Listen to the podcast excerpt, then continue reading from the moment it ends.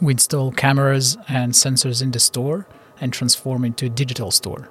So it's first for consumers and shoppers to enjoy the frictionless shopping experience, but also optimize the operation for the retailers.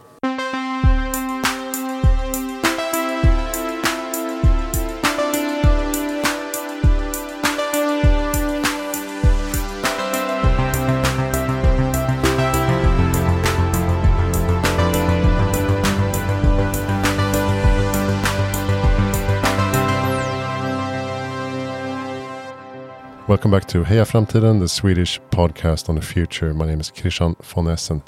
I am uh, recording here today from Epicenter in Stockholm, where there is uh, something called SIME Leader Sessions. Very interesting conference. I'm here today with Genia Balin from uh, a company called Trigo. Welcome to the show. Hey, thank you. Thank you for having me. Um, a company based in Israel, is that correct? Correct. The headquartered in Israel. Already we expanded to Europe. We are based in UK, London, and in Germany as well. And looking forward to United States and Asia. Okay. So not here in Sweden yet. Yet. That's why I'm here. That's why you're here. exactly. Spread the word. So uh, this is an interesting solution for retail automation in a way. Can you walk us through the the innovation that you have uh, come up with? Right. So the technology is to outfit or retrofit an existing retail environment where shoppers can walk in, grab their items, and just walk out. No need for scanning anything, no waiting in lines for cashiers. Just walk out and get the receipt on their mobile devices. We install cameras and sensors in the store and transform into a digital store.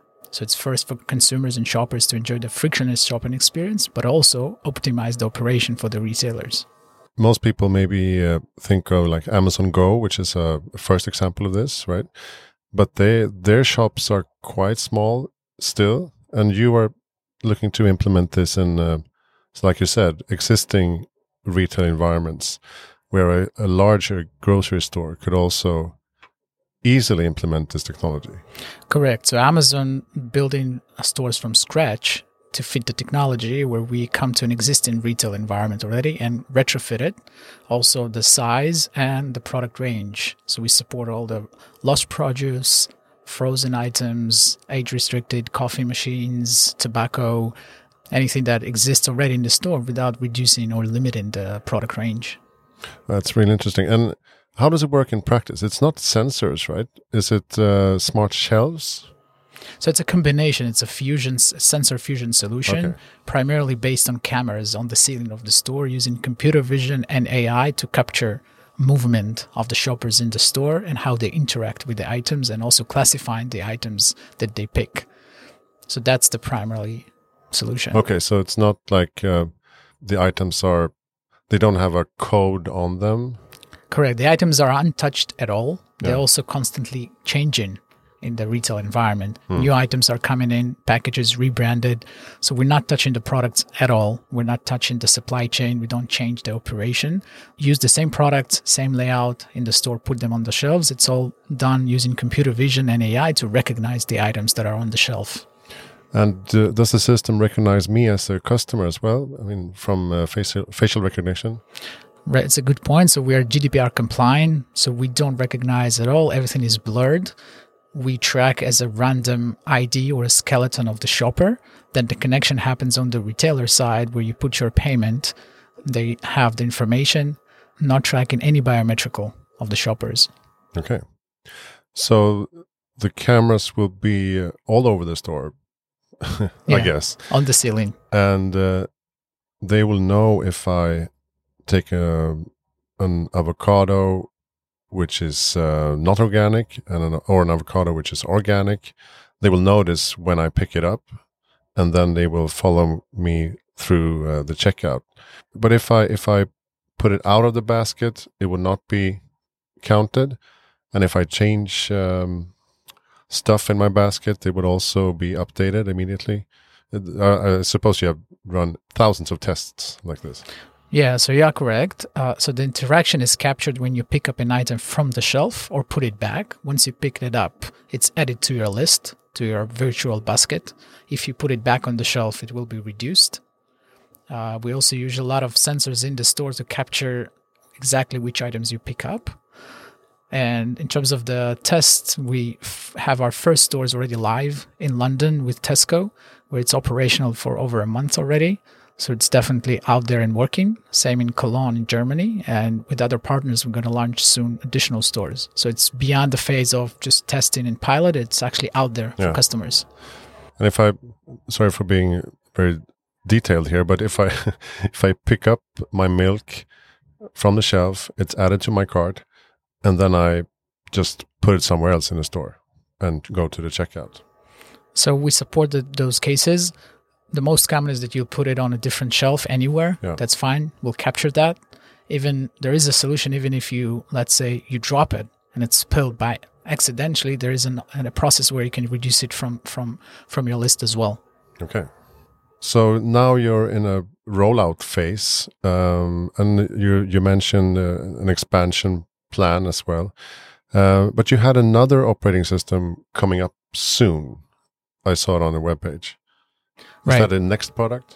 So we discussed primarily the checkout solution. This is what's more evident and customer facing.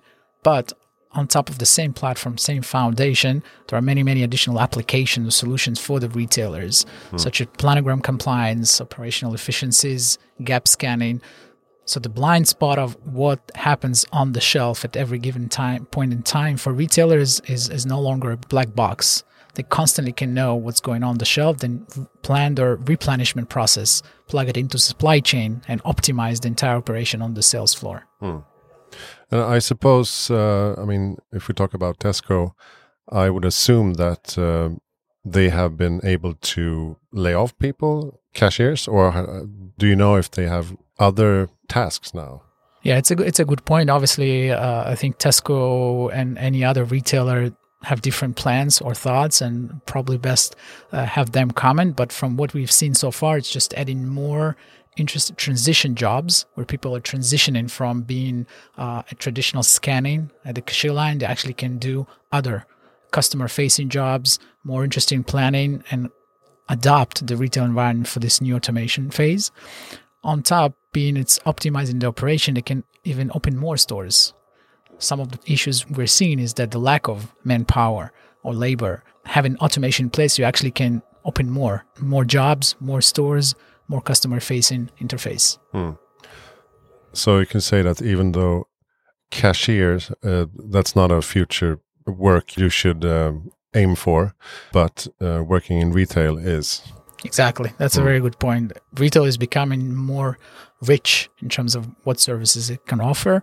And I think the shift in what type of jobs and opportunities it will present in retail just growing, not reducing. You write a pure job of that scanning items, which I think is will transition to different aspects of the job. Do you see this future? I mean, now we're talking about like grocery stores uh, or supermarkets. Do you see this happening in every retail sector? Definitely. The foundation of the system the same. The AI doesn't care whether it's a avocado or something else. Yeah. So the system and the foundation, the, the way it works, definitely is going to uh, transition to other retailers as well. That's going to change in types of shapes and how to adapt it and adjust it. But definitely the next step will be to expand it beyond grocery. Yeah, and and in this case, you would have to pre-enter your credit card details, right? So that your card is in the system. How would it work if you walk into a fashion retailer? Do we could see a future where the system would automatically detect that it's you and your card, even though it's an, a store I've never been to before?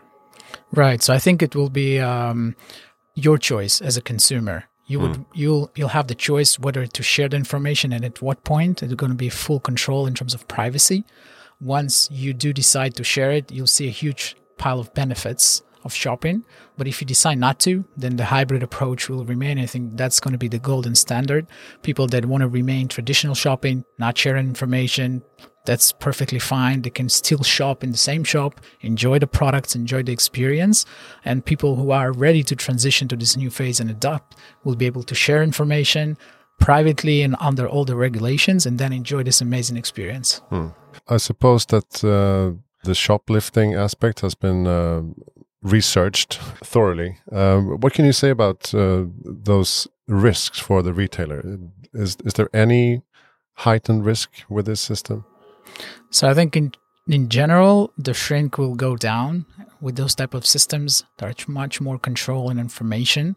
Also, the um, mindset of uh, shoplifters or the way you can shoplift from stores will transition. It will become much more difficult. It's never going to go down to zero. There are definitely going to be new ways. Uh, people will challenge the system, but as a whole, I think that it's much easier for the retailers to maintain a trust business uh, versus the existing today. And in Sweden, there's been a, a few actors uh, opening up um, unmanned stores uh, entirely. So you just have a, a box where you um, open the door with your app and uh, identify yourself. Uh, do you are you working with those kinds of uh, companies as well? There is an option also to do a smaller subset, as you mentioned, a box unmanned totally. So it's a subset of the solution we're, we're offering. Uh, we are more aiming to those larger uh, stores with more services and actually allowing customers to do want to engage with the retailer environment. Uh, they do want to come to a store, they want to see the products, they want to touch it, they maybe want to talk to people. They don't want to wait in line. they don't want to scan the, every single item. They just want to come, enjoy the experience, and then when they're ready, just walk out. Hmm. I think so. It's a combination, although probably solutions like fully boxed, automated, unmanned will be out there as well and will serve their purpose. So I think it's uh, it's not a one man, one kind of a single solution. Going to be a variety of those, and retailers and consumers will be able to choose. Many people talk about the, the death of retail. Uh, do you think that's more a way of saying the death of unsustainable business practices in retail? Yeah, I would say I would call it a reborn. Yeah. Has to reborn or transform. That's true. Yeah, but the the retail is here. It's uh, I think the pandemic year just uh, emphasized that it's still to, here to stay. It is connected more to the online, and there is omni-channel solutions, but it's just reborn and transforming. I wouldn't say it's it's dying. no, transforming into more like showroom styles of selling that you maybe walk into the store, check out exactly what you want, and order online anyway, or vice versa. I mean, so so it's sort of a, a fusion between the two worlds. Yeah, if you think about uh, fashion, for instance, you could search online for specific items you'd like, but then probably you'd want to go to your nearest store and just measure it or see how it fits you, and then you can combine the two. So if you searched it, you can, hey, I want to measure this one. Perfect. When you walk into a store, it can be matched directly to you um, so those type of combinations definitely going to work. Yeah, because now it's still like a competition between shopping online or in retail. Going to store, right? Uh, which is very stupid. E- even if uh, there's uh, the same store, it could be like a franchise that is not connected to the the online store, so they will not get my money, which is uh, kind of stupid if it's uh, even the same brand. Yeah, it's it's lack of data. Uh, shoppers that walk into a store the store doesn't know anything. Yeah. Like who you are, why you walked in today, what type of items you're searching for, looking for. When you connect that, you can uh, also imply regional searches. So you can see the trend in in the specific region, what people are searching for, and then put those items forward in the store. Hmm. Yeah, and I actually had an episode with um, a company called Superb. Uh, they're working with this kind of data intelligence in the re- restaurant industry so that uh, when you book a restaurant, you will add your details, and the next time the staff will know your preferences and know your name, and uh, that you uh, have impaired hearing on your right side, so you will have to sit on the other side of the table, stuff like that. That you don't drink red wine but white wine, stuff like that. It's interesting, and it's also mind blowing that we don't have this information already. yeah like those industries that we're talking about, retail and restaurants, that they have no idea who the customer is. Correct. It's kind yeah. of fascinating, actually. Yeah. The personalization, or you can choose whether you want to be identified and personalized or you just want to be a random shopper. Hmm. It's your choice. But if you do choose to be personalized, then yes, there's a lot of data and that we can offer services that are more tailored to your needs. I usually ask my guests, uh, what is your best tip for making the world a better place in the future? Wow, it's a tough one for me. It's always, uh, I guess, it's people. I think in pandemic it just uh, was a Zoom focus on that, mm. uh, opening the diversity and allowing more people to experience uh, new stuff that they haven't done before. So the more people we can engage, the better. Great. Do you have a good uh, reading tip or a podcast tip? I read a lot recently. Uh, the the book I read was uh, Omnivore Dilemma about the Okay. food industry. So I'll recommend that. What's it about? It's About the food system in general? food system in general and how it transformed over the years and what it is today. And it's an interesting kind of a turning point and what it could become and should become in the future. Um, so I would recommend that. Yeah, I'm, I'm I'm working a lot with those questions, so it's it's really interesting. And who do you think I should interview? I think try to find some uh, new entrepreneurs, um, new generation, new ideas, because I think they'll come with those ideas that will transform and will become the mainstream in the future. Yeah. Yeah, that's exactly what I think. And that's why startups are so interesting because even many fail, uh, the entrepreneur, the entrepreneurs themselves are so interesting. And the idea might be so interesting that even if it doesn't work now, it might work in the future. And uh, they can become big companies in the future that will change the world in different aspects. So, yeah, definitely. Um, thank you so much for joining the podcast Thank you. Thank you for having Um, me. and check out uh, trigo.tech for more information about this uh, amazing retail automation system. Um, Hejaframtiden.se, that's where you can find more information about the podcast, my other projects, um, lectures, books, etc. Uh, my name is Christian von Essen, and we are recording from Epicenter in Stockholm at Sime Leaders Sessions. Thank you so much for listening.